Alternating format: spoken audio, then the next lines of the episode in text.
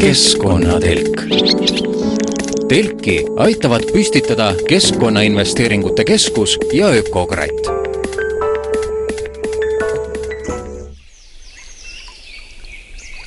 tere, Keskkonnatelk taas alustab, mina olen saatejuht Kadri Valner ja veendusin taas kord sellel nädalal, et kui palju on lihtsam rääkida loodusest ja keskkonnast ja teha sellest saatest, saateid, kui rääkida poliitikast, sest see, mis toimub looduses, allub vähemalt mingilgi moel loogikale, praegu kasvatavad linnuemad oma lapsi ja hunt murrab enda ümbert ainult siis, kui ta on näljane. erinevalt erinevalt mõnikord inimestest. Tänases saates, millest räägime? me räägime täna kosjakaskedest, räägime sellest, millised on õnnelikud või õnnetud kurgid ja tomatid, aga alustame päris globaalsel teemal ühel hullumeelsel mõttel. minu külaline ja mitte ainult esimest korda rääkimas hullumeelsetest, ent teostatavatest mõtetest on Tiina Urb, tere! tere hommikust! sina oled ähm, maailma puhtaks koristamise vabatahtlik. Just, selline tagasihoidlik tiitel mis see endast tähendab? no tegelikult äh, kuna ma olin, äh, ma sattusin sinna sellise hullumeelse tiitli juurde või mõtte juurde tegelikult juba, juba eelmisel aastal otsapidi, siis kui me tegime Teeme ära kaks tuhat kaheksa prügikoristusaktsiooni. Ja, ja mis sellest nüüd tänaseks on, on, on saanud, on, on see, et see selline ettevõtmine, äh, selline mudel, kus, kus, kus erinevad äh, ühiskonnagrupid teevad omavahel väga-väga tihedat koostööd, et ühe konkreetse eesmärgi nimel, see on äh, äratanud rahvusvaheliselt väga suurt tähelepanu ja eelkõige, mis teeb rõõmu, on, on, on see, et, et sellest ideest on vaimustunud äh, lihtsalt aktiivsed inimesed, tavakodanikud äh, maailma eri paikades, kes on kuulnud. Ja, ja on meiega ühendust võtnud ja, ja uurinud äh, äh, kuidas me seda tegime ja, ja, ja mõtlevad ka aktiivselt selle peale, kuidas seda oma kodukohas teha, oma, oma kodumaal et meil on kontakte alates Aafrikast, Lõuna-Ameerikast äh, kuni Jaapanini välja. et tundub, et see, et see see, kuidas ma ütlen, ühelt poolt prügiprobleem, aga teiselt poolt ka, ka inimese aktiivse koos tegutsemise ja, ja, ja sellise kodanikuaktiivsuse ähm, äh, va-, kuidas ma ütlen äh,, tagantlükkamise või, või, või, või, või vajadus selle, selle tõusu järele on, on tegelikult äh, ka teistes maailma paikades, mitte ainult Eestis nii et see tegelikult eelmise aasta mm, prügitalgud siin Eestis äh, lülitasid nagu mingi lambi sisse, et, et, et sellest äh, tuli, käivitus nagu see järgnev protsess? jah, et ma arvan, et see laiem kontekst ongi täpselt see, et, et noh, võttes ka praegust, praegust majanduslikku olukorda ja seda, et, et on on paljudes ühiskondades on hulk probleeme, millega senised struktuurid ei tule enam toime. ja, ja samal ajal suureneb jällesti inimeste rahulolematus ja, ja arusaam, et et, et tegelikult on hulk probleeme lahendatavad ka lihtsalt äh, initsiatiivi korras ja kodanikualgatuse korras. et ma arvan, et see võib olla üks nendest no siin käivad praegu, ma ei tea, kuivõrd tõsiseltvõetavad on need jutud või, või legendid, et meie maailma meredes äh, liigub ringi üks selline prügimägi, mis võiks olla kas Prantsusmaa või USA Texase osariigi suurune, et niisugune tohutu kopsakas see ei ole üldse kuulujutt, see täpselt nii ongi. et see on nagu tegelikult hämmastav, et me oma igapäevakeskkonnas ringi liikudes võib-olla tõesti märkame seda, mis, mis on meie kodu ümbruses või, või, või kodu, kodu, koduteel ja töökoha ümbruses, aga tegelikult see on maailmas üha suurenev probleem, et, et eriti just mis puudutab plastikut ja kilet, et et see läheb rände rändama ja, ja tema probleem on see, et ta, et ta võtab noh, tegelikult keegi meist, isegi teadlased ei tea, kui kaua tegelikult plastik laguneb. plastikuga on, on see häda, et ta, et ta laguneb järjest väiksemateks osadeks, seda söövad siis äh, loomad, linnud mm., see läheb vaikselt äh, äh, toiduahelasse, ringlusesse sisse ja ta laguneb äh, noh, vähemalt sadu-sadu aastaid ja kogu selle protsessi jooksul eritab ta mürgiseid aineid mida meie ka inimesed omakorda sisse hingame, et selles mõttes see prügi on võib-olla võib-olla seda käsitletakse sellise esteetilise probleemina, aga tegelikult on ta täiesti reaalne, reaalne oht kogu elu, elusüsteemile, kaasa arvatud meile endile. Aga see, et, et koos koristatakse maailm puhtaks, see ei ole nüüd ainult idee, et kas sa, kas sa usud, et niimoodi, et, et saadaksegi kokku mingi hulk inimesi ja ühe päevaga nii nagu Eesti vaevalt see nõnda läheb, aga et on, on juba sellest ideest nagu mõned sammud kaugemale astutud? no mis me meil on, meil on selline väike, väike kamp äh, järjekordseid äh, natuke hullumeelseid mõtlevaid inimesi koos, kes kes just tänu sellele tagasisidele või sellele, sellele reaktsioonile, mis on tulnud nüüd, nüüd oleme mõelnud, et, et tegelikult tundub, et sellel ideel on kandepinda. ja, ja sellel, sellel, sellel sellel, mis me tegime, on, on potentsiaali ka, ka puudutada teisi, teisi inimesi maailmas. ja mis me nüüd teeme, ongi see, et me kogume need äh, kontaktid kokku ja, ja tahame luua sellist ähm, ühist platvormi, koostöö, koostöövõrgustikku üle maailma, kus kuuluvad siis aktiivsed inimesed, kes tahavad oma kodumaal sarnast asja ellu viia. Et äh, oleme sellise esialgse veebilehe püsti pannud. Äh, kuna ta on es-, es-, esimese hooga suunatud eelkõige Eestist väljapoole, siis ta, siis ta on äh, inglisekeelne, et selle leiab aadressilt www.letsdoitworld.org, et kes tunneb huvi, et seda me täiustame. ja, ja, ja mida me praegu teeme, on me tutvustame seda ideed, meid on äh, Teeme ära kaks tuhat kaheksa selle aktsiooni baasil kutsutud seda, seda ideed esitlema päris mitmetesse rahvusvahelistesse, rahvusvahelistele konverentsidele, kus on siis koos eelkõige sellised, äh, kuidas ma ütlen, äh, inimesed, kes, kes, kes, kes saaksid seda ideed ka oma, oma äh, kodumaal tutvustada ja, ja aktiivseid inimesi sinna kaasa haarata. ja, ja ongi tekkinud selline kontaktide võrgustik üle maailma ja mis me nüüd mis on, mis on, mis on see, mida, mida Eesti kogemus võiks pakkuda, noh selliseid kooristusaktsioone on ju, on ju tehtud varemgi, et mm -hmm. on äh, Global Cleanup, mis sai Aus-, Austraaliast alguse ja, ja mis on äh, väga suureks juba kasvanud ja ja, ja ka merede puhastamise, randade puhastamise kampaaniad.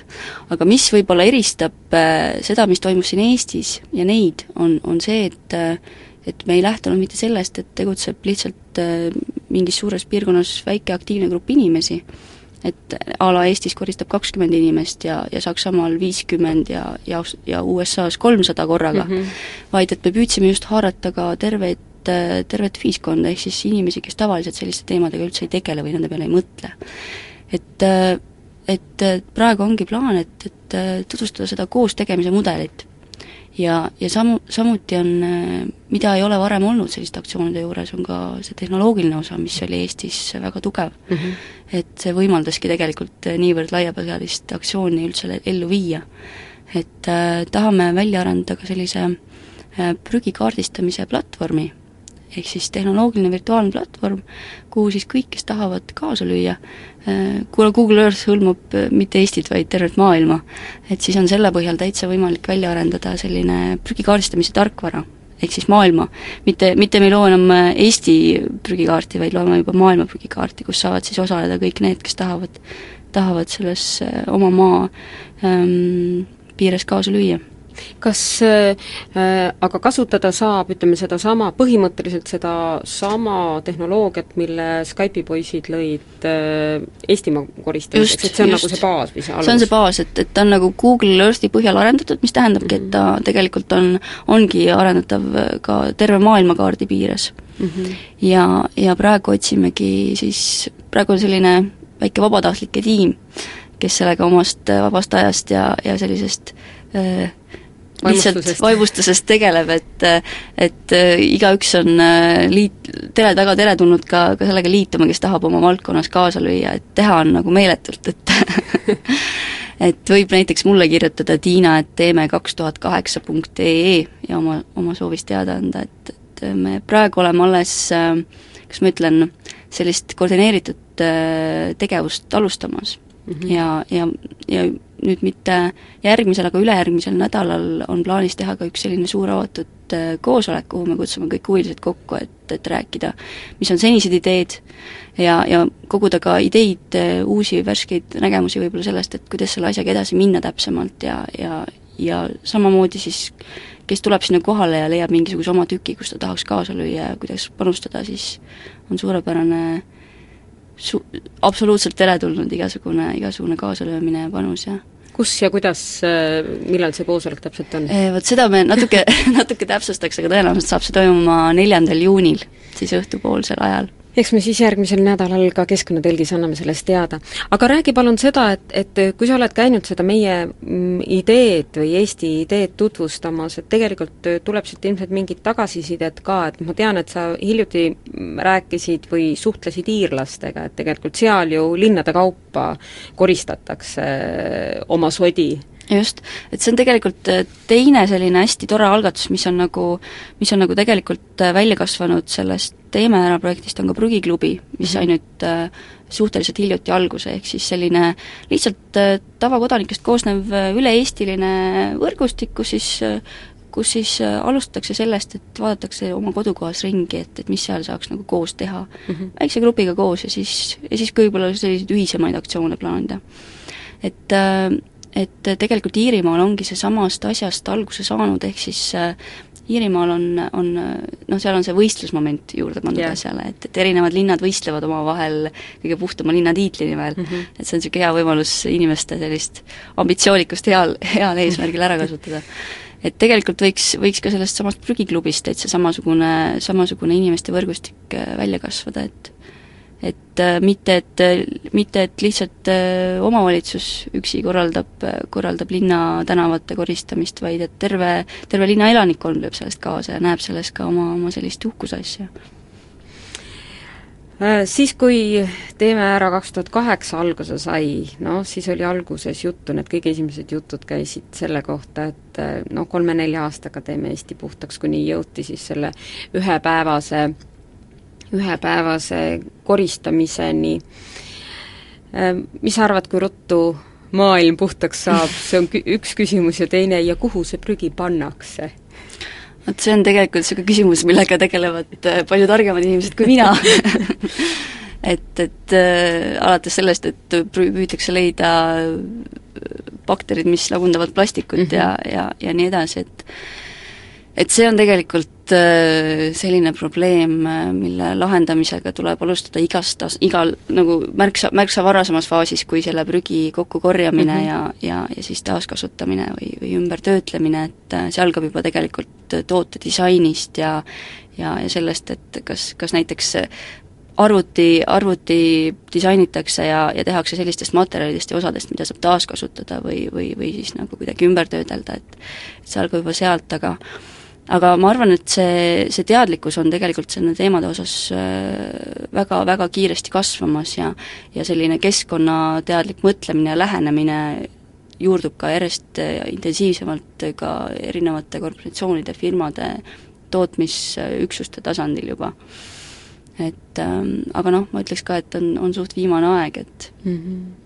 sest äh, sellel nädalal hakkas ju pihta see kilekoti vältimise kampaania või, või riidekoti taaskasuta-, noh, kasutamise kampaania, aga ma olen ikka mõelnud seda, et, et kui ma poodi lähen, et tegelikult ei peaks mitte harima mind kui tarbijat, vaid harima seda poodnikku või, või, või seda firmat, kes üleüldse asja poodi toob, et et see kilekott, mida ma kasutan, on üks tillukene osa kogu sellest muust rämpsust, mida ma poes tegelikult vältida ei saa ja kui räägitakse, et on võimalik ilma pakendita osta, et see, samas olen ma ka nii mugav, et ma ei ole valmis, ütleme, mööda poode jooksmisele kulutama kolm tundi selle asemel, et saaks poole tunniga hakkama, et ma ei tea, minu jaoks on nagu see üks suur probleem, et ära, ära kasvata ainult tarbijat, vaid kasvata seda tootjat ehk pakkijat, et mm -hmm. ilmselt on see maailmas, on see samasugune, sama ja. asi jah, et tegelikult äh, seda noh, igal pool ka, ka eraviisilistes vestlustes on, järjest rohkem panen tähele, et inimesed ütlevad, et, et miks ma ei saa näiteks salatit oma, oma, oma mm -hmm. pakenditega osta või et miks ma pean iga kord selle plastikkarbi ja kilekoti ja, ja, ja viis, viis, viis asja sinna ümber nagu saama aga muidugi see, see algneb nii paljudest erinevatest kohtadest, alates sellest, et et on rakendatud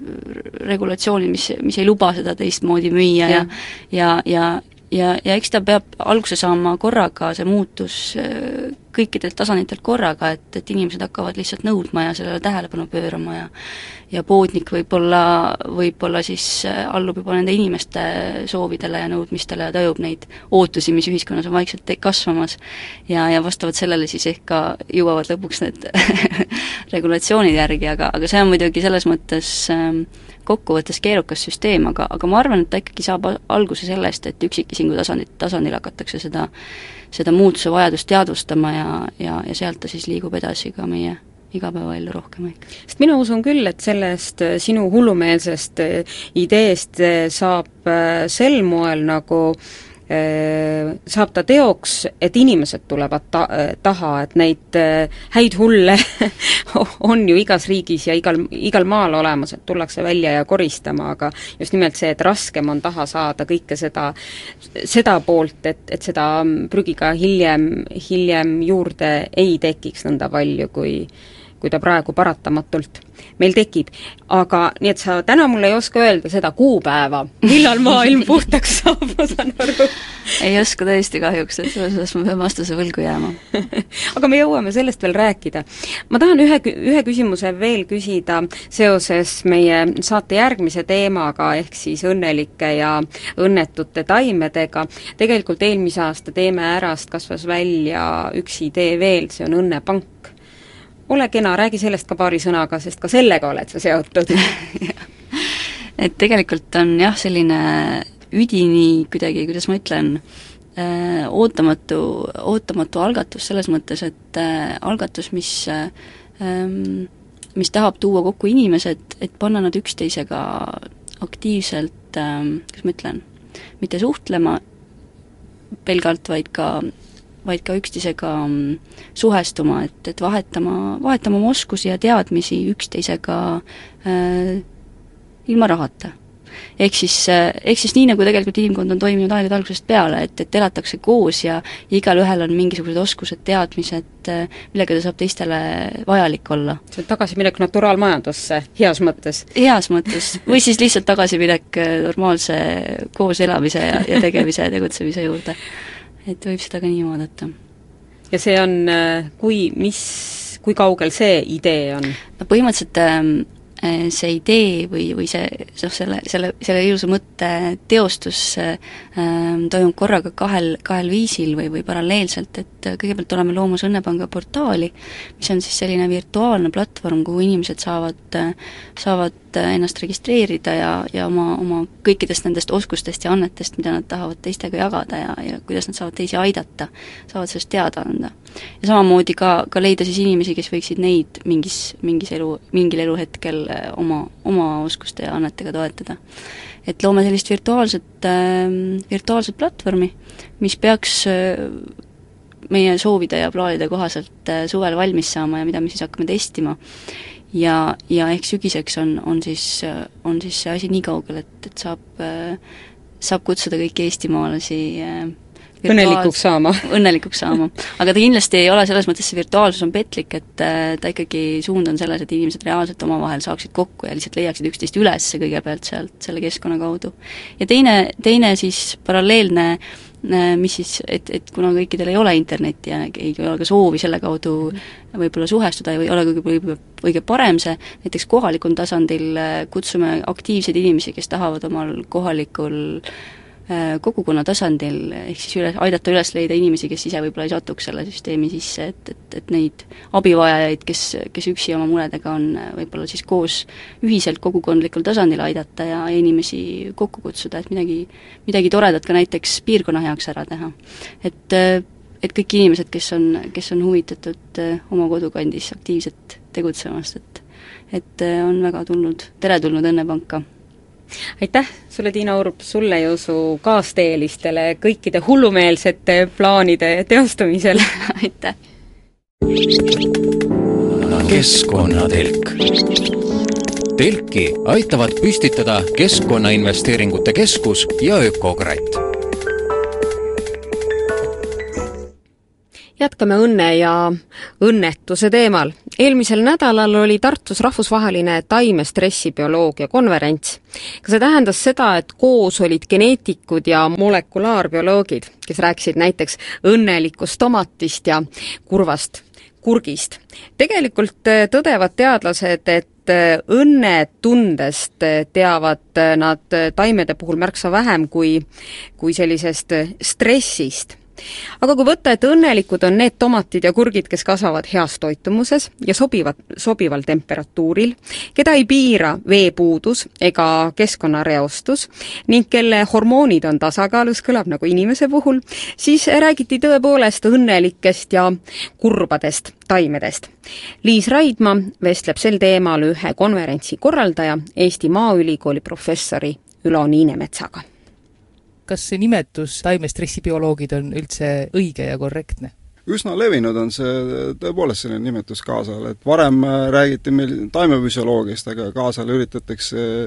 väga paljusid neid endiseid taimefüsioloogia laboreid ümber nimetada, taimebioloogia laboriteks või siis taimede stressibioloogia laboriteks, et see on just, mis nagu taimefüsioloogia tegeleb, ongi taimede stressi uurimine kui palju neil taimedel seda stressi üldse võib esineda, et ütleme, kui porgand ei kasva, siis kas üks põhjus võiks olla ka stress? Taimed on äh,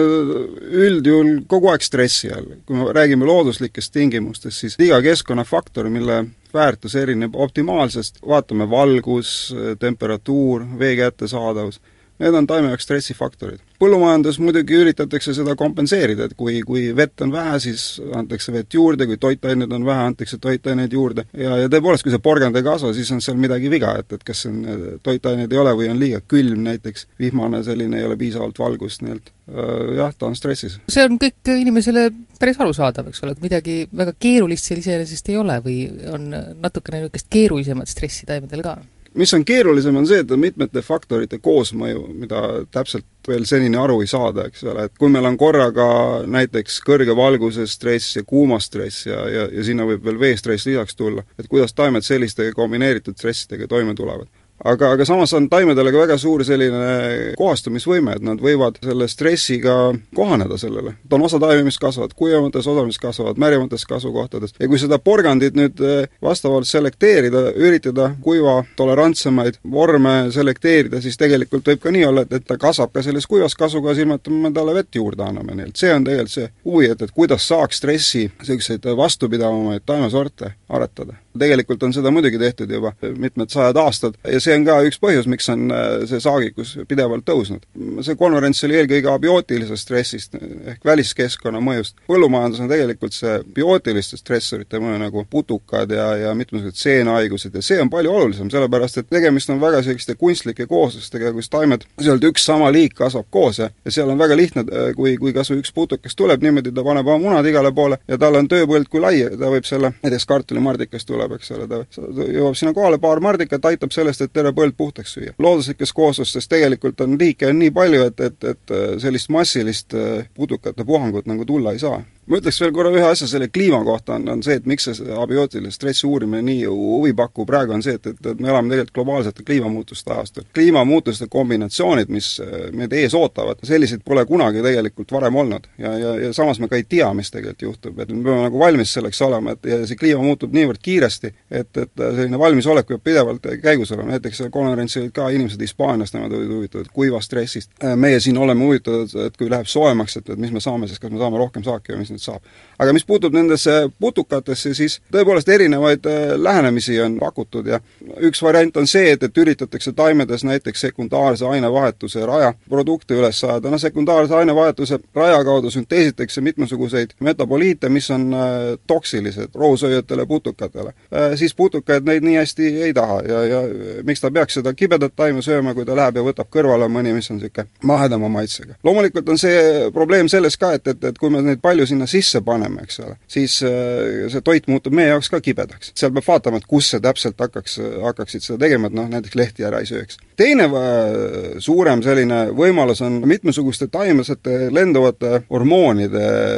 kaudu. et kui taime hakkab näiteks putukas sööma, siis taim hakkab eraldama mitmesuguseid lenduvaid hormoone ja, ja äh, see on signaaliks putukate parasiitidele, näiteks parasiitidele kiletiivalistele. röövik sööb lehte, taim eritab neid spetsiifilisi ühendeid, parasiitne kile ületiivaline selle lõhnasignaali kaudu teab, et röövik on seal, lendab kohale ja, ja muneb oma munad sellesse röövikusse. munadest kooruvad vastsed, hakkavad röövikut seestpoolt niimoodi sööma ja see on selline puhas biotõrje, selles mõttes, et siin ei ole kemikaale midagi vaja, taim ise sellega saab hakkama, et see on väga suure potentsiaaliga ja, ja kasutatakse juba mitmel pool maailmas. aga kui kliimast veel rääkida, et ütleme, kas kogu maailma teadlased selle taimestressi alal, ütleme, ongi võtnud eelduseks, et kliima läheb kogu aeg soojemaks, aretatakse nagu selles suunas? selle soojenemi-, soojenemisega on ka kaks asja, üks on see, et fenoloogia muutub, see tähendab, et kasvuperiood läheb pikemaks. aga samas on see oht jälle selles, et, et kui nüüd taim hästi vara üles ärkab, oht on selles, et, et tuleb öökülm, eks ole, ja, ja võtab kõik maha, et, et taimedel on selline nagu puhkeolekus, sellest väljatuleku kiirus on üks asi, mida on võimalik aretada teine asi on muidugi see, et, et kuidas kõrgemate temperatuuridega hakkama saab, et kuuma stressi vastu. ja, ja kui see kuuma stress käib koos veel kuiva stressiga, mis on äh, näiteks, arvatakse, et Hispaanias hakkab nii olema ja, ja, ja Californias, näiteks Floridas on sel aastal, te vaatasite uudistest, on kõige halvem apelsinisaak üle aastate, sademeid ei ole üldse tulnud troopikas. niisugused erakorralised äh, asjaolud on, kuigi praegu kõike üritatakse kliimamuutustega seostada, et, et neid on varem ka ikkagi olnud, niisuguseid erakorralisi olusid. aga, aga nii või teisiti, tähendab, probleeme sellega on, aga loomulikult tuleb kogu selle komplekti efektiga tegeleda, et, et ainult temperatuur üksi on äh, suhteliselt lühinägelik ja, ja, ja, ja samas me ka täpselt ikkagi ei tea, mis sündima hakkab, et, et osa teadlasi jälle ütleb, et läheb külmemaks, nii et kui me kõik paneme ühe kaardi sellele kuumastressile, siis tulemus võib-olla ei olegi kõige, kõige parem. aga peale selle see ka muidugi, et kui maakera populatsioon kasvab, eks ole, me tahame järjest rohkem ja rohkem saaki saada ja, ja reaalselt, kui me praegu Eestis me saaksime kasvatada nii ühte kui teist, eks ole, aga Lapimaal me ei saa näiteks ja, ja kui oleksid sellised sordid, mis seal ka kasvaksid, seal on ju tegelikult kogu su suvi otsa valgust äh, maailm, eks ole, seal võiks midagi ka kasvada. Islandil kasvatatakse kasvuhoonedes banaane, eks ole. ka selle külmastressiga tuleb tegeleda. No võib-olla läheb Lapimaal nii soojaks, et ei ole vaja külma stressi pärast enam muret tunda? ei tea jah, ega, ega, ega ta nüüd nii kiiresti ka ei lähe, et, et aastaks kaks tuhat ükssada ennustatakse viis kraadi soojemat ilma keskmiselt. meil muidugi tähendab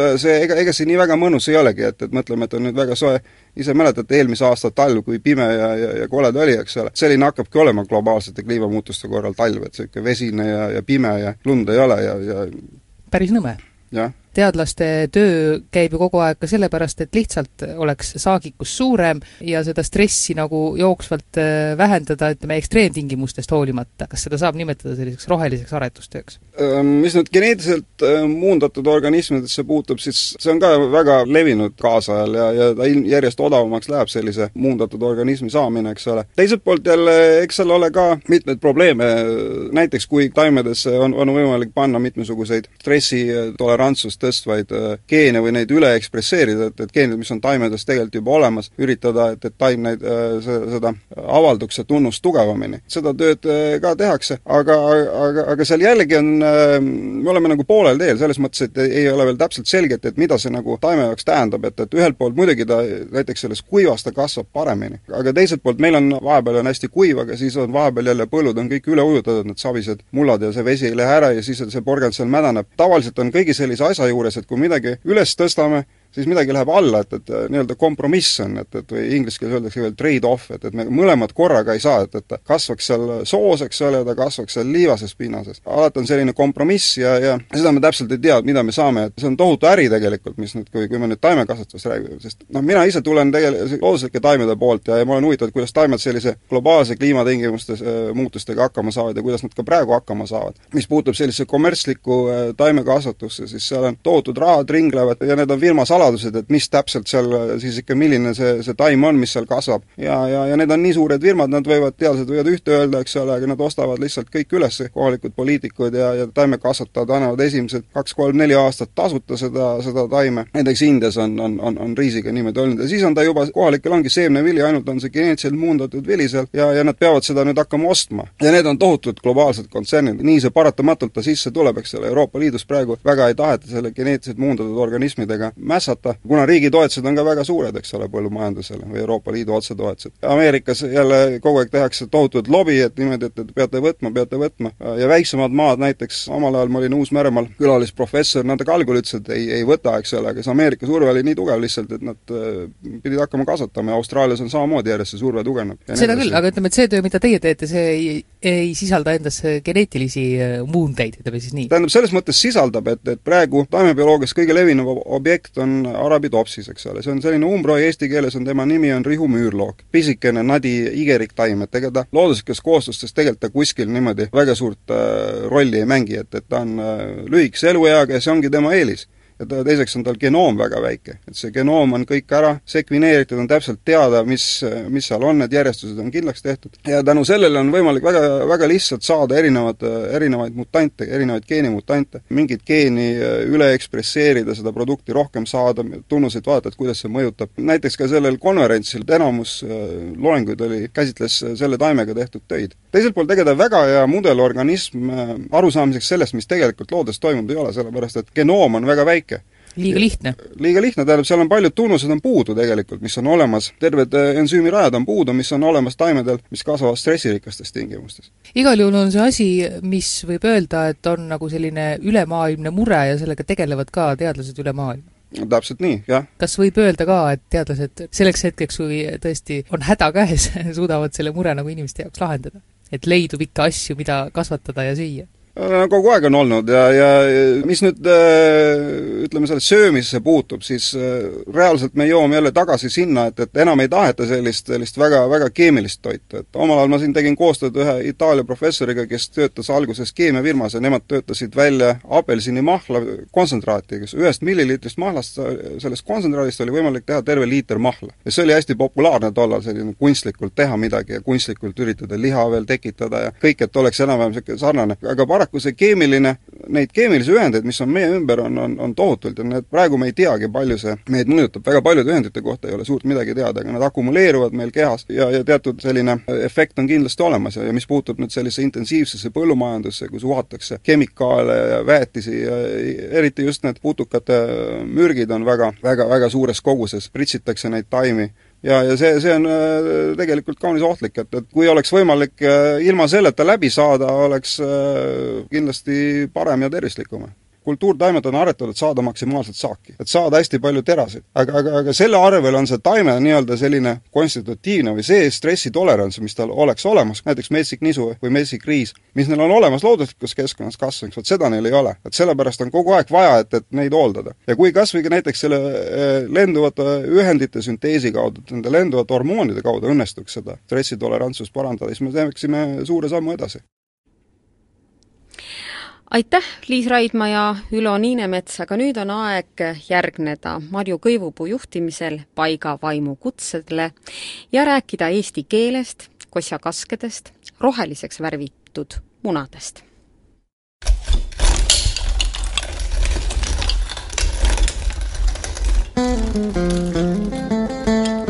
paigavaimu kutse nagu vana rahvalaul ütleb ja rahvalaul ta ju tegelikult ei olnud, aga kuuekümnendatel aastatel seda raadiost kuulda oli, vist Heli Lääts, kui ma õigesti mäletan, laulis maikuust ja suurest toomepuust, mis on uhke ja valgeid õisi täis.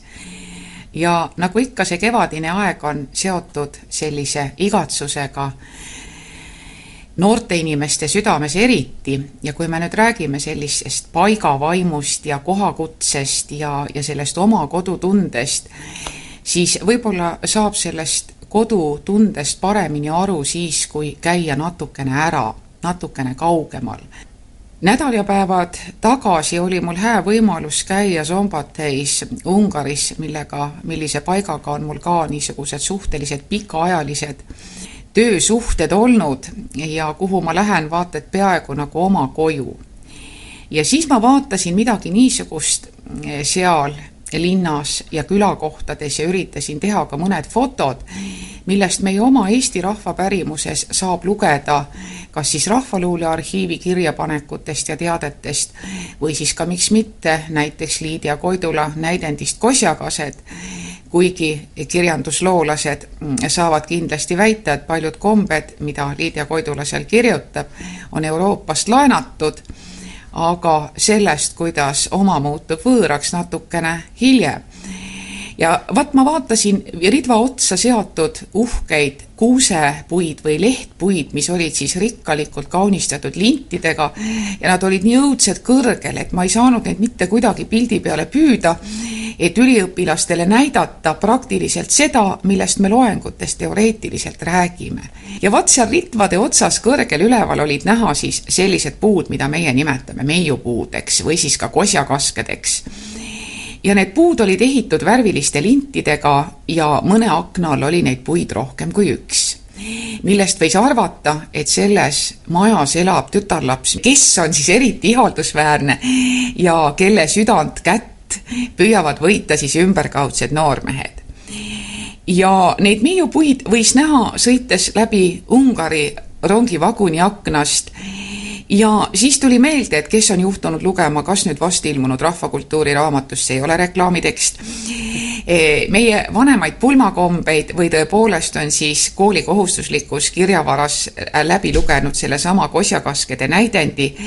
siis mäletate, kuidas tüdrukud seal samamoodi kemplesid, et kelle akna taha on siis toodud kas kask või mitu ikka selle märgiks, et kavas on kosja tulla. ja nii nagu pärimuskultuuris ikka püütakse märkide ja tegevuste kaudu omavahel suhelda, nii oli siis ka kindel märk sellest, et puutooja võib tulla juba kosjaviinapudeliga, siis tuli puu ümber siduda vööpael või mingisugune värviline uhke lint ma olen ise küll vahel vaikselt ironiseerinud niimoodi, et inimene muutub ikka vanas eas selliseks parasjagu küüniliseks. et nojah, et aknad olid pisikesed, et aga kui ikka mitu kaske toodi, et kuidas nad siis omavahel segamini ei läinud ja kust tuli, kust saadi teada, et ikka õigele kasepuule see lindikene ümber seoti, aga tundub, et toimis ja vaieldamatult on see äärmiselt romantiline käepalumisviis, olgu kuidas on. ma ei oska öelda, mida rohelised, roheliselt mõtlevad inimesed sellest arvavad, aga kindlasti selline mõõdukas harvendusraie kasevõpsikus tuleb asjale ainult kasuks. no vot, ja nüüd on niimoodi, et maikuu hakkab mööda saama. Ka linnas on juba kuulda ööbikut lisaks musträstastele ja teistele toredatele lindudele. Ja järgmisel nädalal on siis sellised, sellised pühad, mida kirikukalendris tuntakse nelipühadena, aga meie rahvakalendris räägime siis pigem suviste pühadest, et kuigi nad on liikuvad, noh, annavad nad aimu sellest, et kevad hakkab mööda saama ja loodus pöördub oma märkidega järjest rohkem suve poole. Lõuna-Eesti tüdrukutele tähendas see luba hakata käima Kiigeplatsil ja sest Põhja-Eestis alustati kiikumisega tiba varem juba tavaliselt lihavõtete paiku, aga samuti olid suviste pühad need, mil siis toa kaunistuseks toodi tuppa kasepuud, ehiti toad värske rohelisega, toodi kevadlilli ja värviti ka mune. me oleme harjunud rohkem sellega, et me värvime mune ikkagi lihavõttepühadeks, aga üle Eesti on hajusalt värvitud mune just nimelt rohelist karva, kevade karva, tärkava looduse karva, ka suviste pühade aegu. Ja siis ma mõtlesin iseenda lapsepõlvele ja iseendale lapsevanemana ja samuti sellele, mida tähendab meie jaoks traditsioon. sest ma mäletan, kui mina väike olin, siis mul vanaema just nimelt suviste pühadeks värvis mulle mõned munad kaselehtedega mõnusalt roheliseks ja kuna tavaliselt sellel ajal oli piima ka volilt saada, siis sõir, kohupiim või veel midagi kuulus kuidagi väga lahutamatult suviste pühade juurde. ja siis, kui mul endal juba lapsed tekkisid, siis ma võtsin kätte ja hakkasin nendele mune roheliseks värvima, olles vahepeal täiesti noh, selle kombe kõrvale jätnud, selleks ei olnud nagu mingit erilist vajadust noh, tänapäeval on muidugi ka niimoodi, et meie talumajapidamistes on väga e eksootilisi kodulinde ja mul on näiteks üks tuttav kana, mis muneb aasta ringi rohelisi mune, selliseid natukene sinakas rohelisi, nii et see värvimise töö nagu jääb ära. aga just nende selliste praktiliste tegevuste kaudu kas või seegi, kui laps saab võtta selle kanamuna, siduda talle need värsked rohelised lehed ümber ja selle kenasti enda jaoks ära värvida, aitab tal võib-olla midagi mm, meelde jätta, mis on seotud võib-olla ema või vanaema lapsepõlve tavadega, sest eks ma niimoodi räägingi, et kui mina laps olin, siis nii tehti. ja, ja miks tehti, et kas või sellepärast, et poes ei olnud väga palju värvilist nänni saada ja selline kodus valmistatud rõõmsam muna toidulaual tegi päeva kuidagi eriliselt helgeks. aga noh, võib-olla veel ka nende vanade tavadega ja traditsioonidega ongi nõndamoodi, et ühelt poolt hakkame mõtlema, siis miks me alati räägime sellest, et oi, ma leidsin kellegi vana inimese, kes mäletas veel seda, seda või rääkis sellest ja sellest. Ja sellega seostub mul kohe see, et, et see on äratundmisrõõm, et see ahel on püsinud tervena koos, et ta ei ole katkenud. et vahepeal ei ole käidud raamatukogudes või Rahvaluule arhiivides otsimas ja õppimas, kuidas oli, aga see äratundmisrõõm, et ma leidsin inimese, kelle jaoks on see reaalsus. ja võib-olla see on see põhjus, miks me, kui me räägime pärandkultuurist, kui me räägime oma kultuurist, kui me külastame teisi rahvaid või teisi kultuure, oskame sama siiralt rõõmustada nagu mina, kui ma nägin päris ehtsaid meiupuid eh, Ungari külades eh, majade akende taga eh, tekkis seesama selline äratundmine, et ahaa, päriselt näeb see niimoodi välja. Ja see on vaieldamatult midagi muud, sa võid lugeda ükskõik kui hästi kirjutatud kirjeldust. sa võid lugeda ükskõik kui värvikalt kirja pandud teksti, sa võid vaadata fotot, kuid see on ainult peegeldus, see pole ikkagi kõigest hoolimata asi ise ja sellepärast seoses nende kohtade ja paikadega meie mälus ja kommetega nüüd kevadel ka, kui lapsed lõpetavad koole või, või on näiteks lasteaia lõpupeod, siis ka seesama suviste pühade aegne, seesama lihtne muna värvimise tava võiks taas võib-olla natuke rohkem tähelepanu saada kas või näiteks sellelegi, et kuna me praegu räägime majanduskriisist, siis me aitame kohalikke munatootjaid ja pakume neid lastele suupäraselt ja rõõmsalt. me ei pea selleks võib-olla vaatama kuskile väga kaugele läände või võtma eeskujuks mingisuguseid selliseid muid nippe, kuidas lastele toidulauda huvitavamaks teha. sest noh, tõenäoliselt väga paljusid asju me, kui me täiskasvanuks saame, iseenda pärast väga ei viitsi teha ja siit ma sain jälle järgmise mõtte, et kuidas pärandada edasi kultuuri, selleks peavad olema lapsed. E, vaat seesama, et, et sa võtad laste pärast kätte, õpid ära mõned vanad töövõtted, lähed näitad ja räägid talle midagi sellest, kuidas olid asjad sinu lapsepõlves või koguni siis, kui sa mäletad, kuidas su oma vanavanemad elasid. näitad talle pilte, räägid, sul on motiiv seda teha natukene egoistlik motiiv, et ta ikka peaks nagu sinust lugu ja ta sind mäletaks ja mäletaks sinu räägitud lugusid ja see toimib oluliselt tõhusamalt kui see, mida me paneme kooliprogrammidesse kirja või, või mida me õpetame näiteks kodulootundides või, või kusagil mujal. see on võõra antud õpetus, see on vist enam-vähem seesama, millest ma rääkisin esimeses korraski, et et, et see paiselehe leht, eks ole, et see karvane pool, see pehmem pai on ikkagi kuidagi südamlikum kui see natukene jahedam pai, mis tuleb kusagilt väljastpoolt. Ja iseäranis nüüd, kui koolid koolid saavad läbi ja meil on ees hästi põnev oma kultuuri ja folkloori suvi. meie mm, sõnavara on täienenud uute, uue väljendiga, need on rahvuspapud, need on äraütlemata toredad, lihtsad artefaktid Eh, meil on paljuski oma esivanemate kultuurist tuua tänasesse päeva ja nii-öelda sööta seda noh, nendesamade heleroheliseks värvitud munade näol noortele nii mõnusalt ette, et nad tunnevad, jaa, see on täpselt see, mida ma vajan. see on see, mis teeb minust natukene parema eestlasena. sest seesama Ungari konverents jättis mu mällu veel ühe väga olulise mõtte, mida peaksime siinmaal iseäranis kordama. me peaksime olema väga uhked, sest me oskame ja räägime maakeral ühte väga väikest, väga eksootilist ja väga haruldast keelt.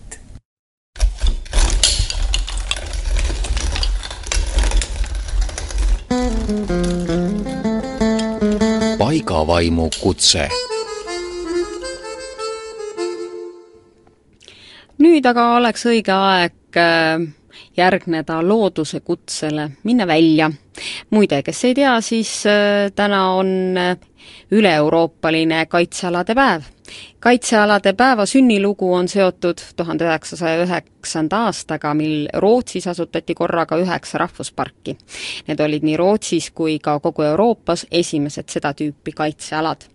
loodud Ameerika Ühendriikide rahvusparkide eeskujul, Eestis on neid kaitsealasid tänaseks juba õige mitu. kui te käite kaitsealadel korralikult ja loodust märkavalt, siis mingegi täna sinna mida aga teha näiteks äh, järgmise nädala jooksul.